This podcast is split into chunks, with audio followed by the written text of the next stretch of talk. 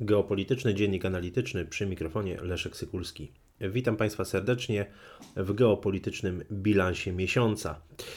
Na koniec miesiąca będę podsumowywał mm, najważniejsze wydarzenia, najważniejsze procesy, które obserwowaliśmy na świecie, które mają znaczenie dla kształtu stosunków międzynarodowych. Mm, dziś podsumowanie maja 2021 roku.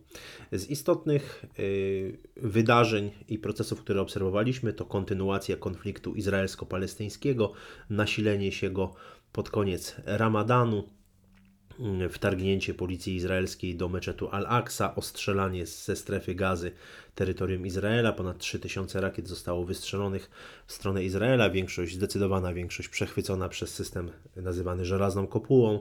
Mieliśmy do czynienia z eskalacją konfliktu dyplomatycznego. Także wypowiedziały się bardzo istotnie tutaj e, Chiny które opowiedziały się za powrotem do granic sprzed 1967 roku.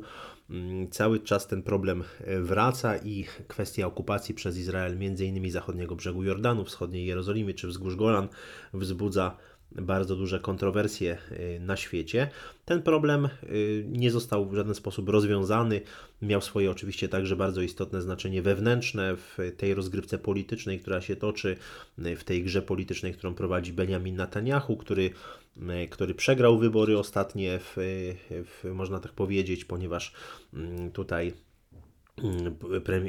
jakby stworzenie nowego rządu zostało przekazane Jairowi Lapidowi. W tym kontekście zawieszenie y, broni między Hamasem a Izraelem należy traktować jako pewnego rodzaju taktyczne zawieszenie. Problem w żaden sposób nie został rozwiązany i wydaje się, że na dziś ani Organizacja Narodów Zjednoczonych, ani żadna inna y, bardziej regionalna organizacja nie ma nie ma żadnego pomysłu na rozwiązanie tego problemu. Jak się wydaje, również administracja amerykańska Joe Bidena nie za bardzo ma pomysł na rozwiązanie konfliktu izraelsko-palestyńskiego. Należy go traktować jako konflikt zamrożony, który, który będzie, będzie jeszcze się tlił, będzie jeszcze wybuchał. Tak jak wspominałem w dzienniku analitycznym, mm, żadnej trzeciej intifady nie było i w najbliższym czasie e, na Bliskim Wschodzie nie będzie. Drugie ważne wydarzenie to zawieszenie sankcji na Nord Stream 2 przez amerykański Departament Stanu. Tutaj oczywiście w kontekście, warto o tym powiedzieć, w kontekście także spotkania Antonego Blinkena z Siergiejem Ławrowem 19 maja w Reykjaviku, w kontekście Rady Arktycznej. Sam fakt, że Rosja obejmuje przewodnictwo w Radzie Arktycznej, dwuletnie przewodnictwo również jest istotne i, i warte odnotowania. Natomiast rzeczywiście myślę, że obok konfliktu izraelsko-palestyńskiego to właśnie zawieszenie sankcji na Nord Stream 2 jest niewątpliwie e, jednym z trzech najważniejszych wydarzeń miesiąca maja. I myślę, że mm, samo zawieszenie sankcji na prezesa Nord Stream 2 AG Matiasa Warniga i na spółkę, która buduje ten, ten rurociąg, y, już pokazuje chęć y, pewnego miękkiego resetu między Stanami Zjednoczonymi a Federacją Rosyjską. Tak jak y, wielokrotnie przewidywałem, wielokrotnie o tym mówiłem, Nord Stream 2 zostanie ukończony. Spodziewam się, że zostanie być może wprowadzone jakieś moratorium na jego uruchomienie. E, tutaj mogą być problemy na pewno z certyfikacją, to się odwlecze w czasie zostanie to odłożone, uruchomienie tego, tego rurociągu. To moratorium, o którym wspominam, mm, prawdopodobnie zostanie nałożone na, przez Niemcy do czasu uzyskania jakiejś, mm, powiedziałbym, e, przynajmniej PR-owo korzystnej umowy na tranzyt e, gazu przez Ukrainę. Trzecim bardzo istotnym wydarzeniem z punktu widzenia mm, geopolityki jest y, chiński program kosmiczny. Jest niewątpliwie ulokowanie na orbicie okołoziemskiej y, pierwszego modułu y, chińskiej stacji kosmicznej i lądowanie bezzałogowe na Marsie. Chiński łazik, który wylądował na Marsie. To niewątpliwie pokazuje, że Chiny wyrastają na mm, jedną z czołowych potęg kosmicznych. Wiele wskazuje na to, że w ciągu najbliższej dekady prześcigną program rosyjski kosmiczny. Mm, i niewątpliwie sam fakt, że po potencjalnej deorbitacji Międzynarodowej Stacji Kosmicznej Chińczycy byliby właściwie jedynymi posiadaczami swojej stacji kosmicznej, samodzielnej stacji kosmicznej, pokazuje ambicje Pekinu, pokazuje ten program, który bardzo mocno podkreślał Xi Jinping w kontekście mm, budowy potęgi technologicznej przez, przez Chińską Republikę Ludową. E, ważnym e, wydarzeniem, które jest istotne z punktu widzenia geostrategii Polski, które oczywiście odbyło się w maju, jest zatrzymanie Romana e, Prota, Protasiewicza na Białorusi i taki mocny sygnał dla opozycji białoruskiej poza granicami tego państwa, że nie jesteście bezpieczni. Z drugiej strony to oczywiście uderzenie pośrednie w Polskę, pokazanie, próba zrzucenia odpowiedzialności na to, co się działo po 9 sierpnia 2020 roku na Białorusi na, na, polskie, na polskie władze, na polskie służby specjalne. No a same sankcje na Białoruś niewątpliwie jeszcze bardziej moim zdaniem mm, skłonią e, Łukaszenkę do szukania porozumienia z Rosją. Niewątpliwie uczynią go jeszcze bardziej uległym, co zresztą było widać po, ostatniej, po ostatnim spotkaniu w Soczi z Władimirem Putinem e, w kontekście integracji, pogłębionej integracji w ramach państwa związkowego Rosji i e, Białorusi. Ważnym wydarzeniem y, z punktu widzenia Polski również jest zakup bezzałogowych statków powietrznych Bayraktar TB2 je przez y, Polskę jako pierwszy kraj natowski i to niewątpliwie jest bardzo ciekawy, y, ciekawe wydarzenie, które ma swoje zarówno tutaj polskie powiedziałbym, mm, polski kontekst, jak i oczywiście dla samej Turcji. Z punktu widzenia Polski, mm, sam zakup dronów z jednej strony jest oczywiście korzystny, ponieważ mm, otwiera, że tak powiem, strategiczne, strategiczną świadomość polskich elit, także wojskowych, nie tylko politycznych, na potrzebę wzmacniania potencjału, jeśli chodzi o bezzałogowe statki powietrzne. Natomiast z drugiej strony warto tutaj odnotować, że polski przemysł zbrojeniowy na tym skorzysta bardzo niewiele i można sobie zadać pytanie, dlaczego do tej pory Ministerstwo Obrony Narodowej przez ostatnią dekadę w ogóle nie składało takiego zapotrzebowania do polskiego przemysłu, zarówno tego państwowego, jak i, jak i oczywiście y, prywatnego. W kontekście interesów tureckich niewątpliwie warto zwrócić uwagę, że w maju y, Turcja mm, wysyłała bardzo silne sygnały dyplomatyczne do Waszyngtonu w celu no, szukania takiego rozwiązania problemu w sprawie zakupu F-35. Y, doskonale wiemy, że te relacje od 2017 roku turecko-amerykańskie są napięte w związku z zakupem mm, dwóch transz systemów obrony powietrznej S-400 i wykluczenia Turcji Turcji z programu właśnie produkcji F-35. Natomiast Turcja uważa, że te obawy amerykańskie są absolutnie bezpodstawne i tutaj bardzo mocno naciska na, mm, na, na to zbliżenie ze Stanami Zjednoczonymi. Myślę, że w tym kontekście, o którym powiedziałem wyżej, czyli w kontekście mm, zakupu przez Polskę BSP Bayraktarów, myślę, że to, to wzmacnia pozycję Turcji, jeśli chodzi o te negocjacje ze Stanami Zjednoczonymi.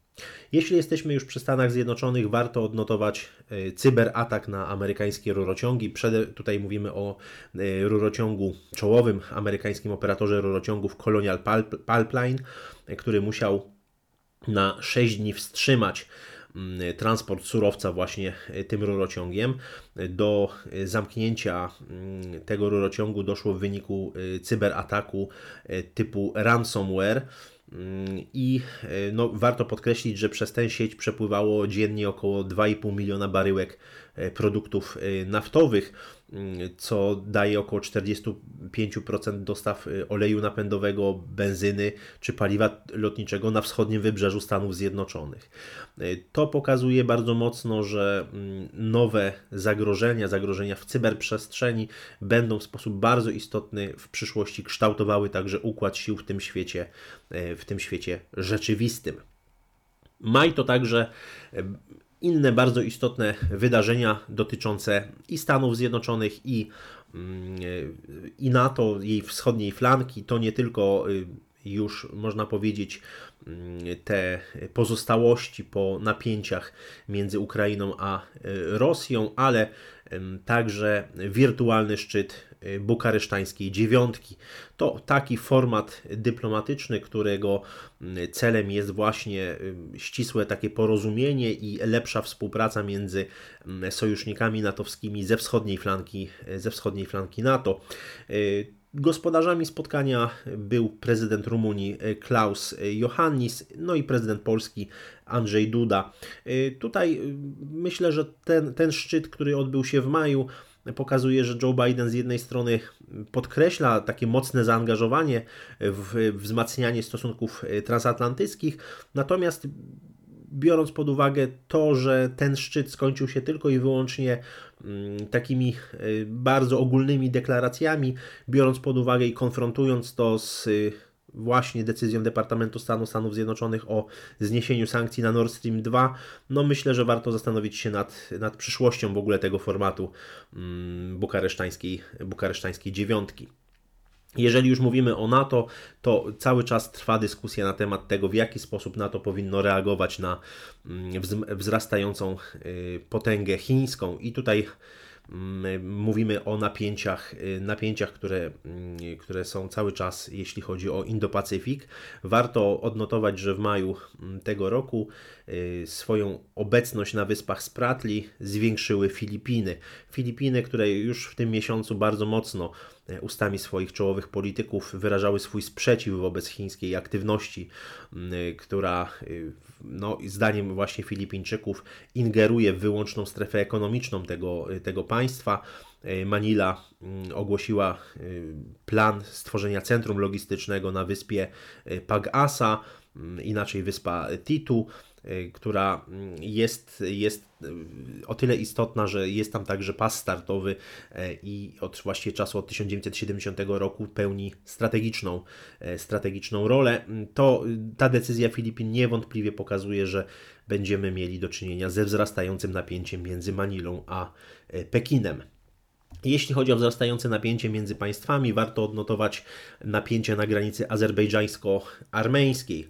Od czasu zawieszenia broni w, po walkach ostatnich o Górski Karabach w listopadzie 2020 roku cały czas obserwujemy różnego rodzaju napięcia na granicy obu państw. Warto odnotować, że w maju tego roku Azerbejdżan rozpoczął duże ćwiczenia z udziałem kilkunastu tysięcy żołnierzy właśnie w pobliżu granicy z Armenią.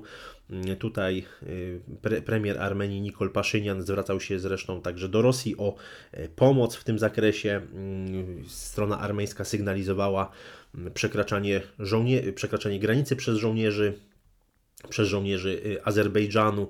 E, no, widzimy, że cały czas niespokojnie jest na tej granicy i niewątpliwie ten konflikt e, nie ustał, nie zakończył się, na, pewno w przyszłości jeszcze, jeszcze wybuchnie.